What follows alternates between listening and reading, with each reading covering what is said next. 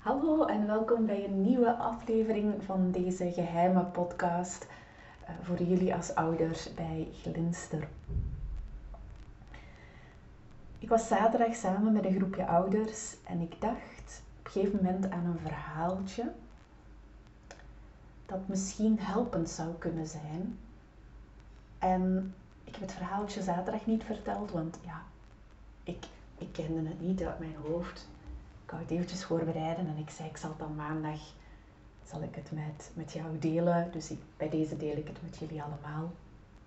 En ik heb gehoord blijkbaar dat er een cavia ergens zit die ook meeluistert naar, naar de audiofragmenten bij Glunster. En uh, ik weet niet of je een cavia kent, van cavia kan dan zo... Blijkbaar is die ook um, gek van het belgeluid. Ehm, dus als je de vroegere luisterfragmenten al hebt gehoord, daar, daarin ehm, hoor je zo meditatiebel. Dat zijn zo twee schijven. Ik heb die wel weggelaten de laatste tijd um, voor de luisteroefening, omdat ik dacht, ja, waarom, waarom? maar ik gebruik ze zelf voor mezelf de laatste tijd terug wat meer. En de betekenis daarachter van, van het belgeluid is om eventjes stil te staan en weg te komen van de drukte van de wereld en ja, in contact te komen met de essentie in jezelf. Dus eventjes al die drukte, die red race achter jou te laten. Dus ehm, ja, bij deze ga ik terug het belgeluid gebruiken.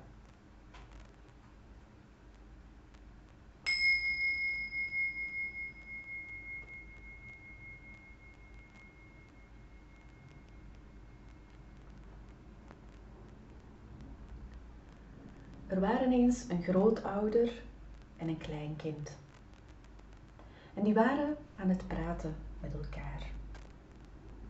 En de grootouder was aan het vertellen over het leven en hoe het leven in elkaar zit. En de grootouder vertelde aan het kleinkind hoe alle mensen in het leven twee wolven in zich hebben en hoe die twee wolven in ieder van ons in conflict zijn. Er is enerzijds de goede wolf en die staat voor vriendelijkheid, moed, liefde. En anderzijds is er de slechte wolf, die staat voor hebzucht, haat en angst. De grootouder had dit verteld over de twee wolven. En het kleinkind was erover aan het nadenken. En iets later stelde het kleinkind de vraag aan de grootouder: Ja, maar grootouder, welke wolf wint er dan? Als die in conflict zijn met elkaar. En de grootouder zegt: De wolf die het meest te eten geeft.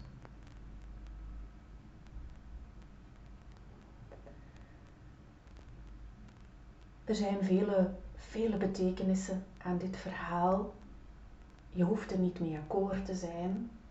Je kan er een stukje uithalen. Ik ga hier enkele gedachten delen die op dit moment de laatste dagen in mijn leven.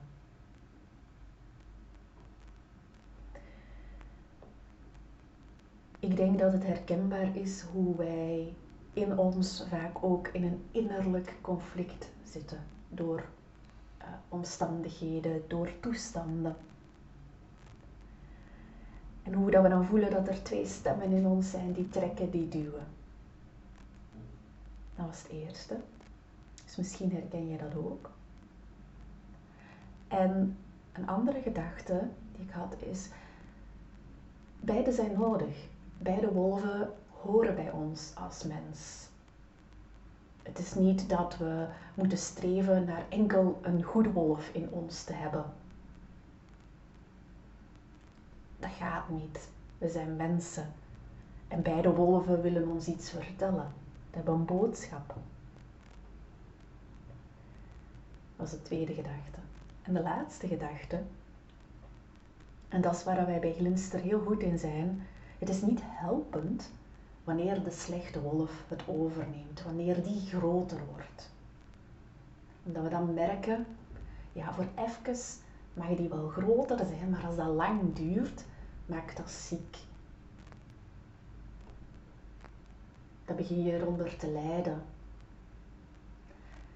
En de omstandigheden zelf heb je niet altijd helemaal in de hand wat jou overkomt. Wat je wel in de hand hebt, is dat je dan twee wolven in jou hebt en die zijn dan in conflict. En hoe voed je die twee wolven? En welke voed je dan het meest? En wanneer je merkt, oei, die slechte wolf neemt het al een hele tijd over en ik word er niet beter van, om dan die goede wolf wat meer voeding te gaan geven. Zodat die terug wat aan kracht kan winnen. En dat die dan terug sterker wordt en meer zeg heeft wanneer dat er een innerlijk conflict aanwezig is. En ik denk ook dat die voeding op vele soorten manieren gebeurt. Ik denk dat we daar woorden aan geven zoals zelfzorg, misschien geloof, spiritualiteit, maar ook door samen elkaar te steunen daarin. Want ik denk niet, hier gaat het over een innerlijk conflict, ik denk niet dat iemand dit alleen kan wanneer dat de twee wolven in ons in conflict zijn.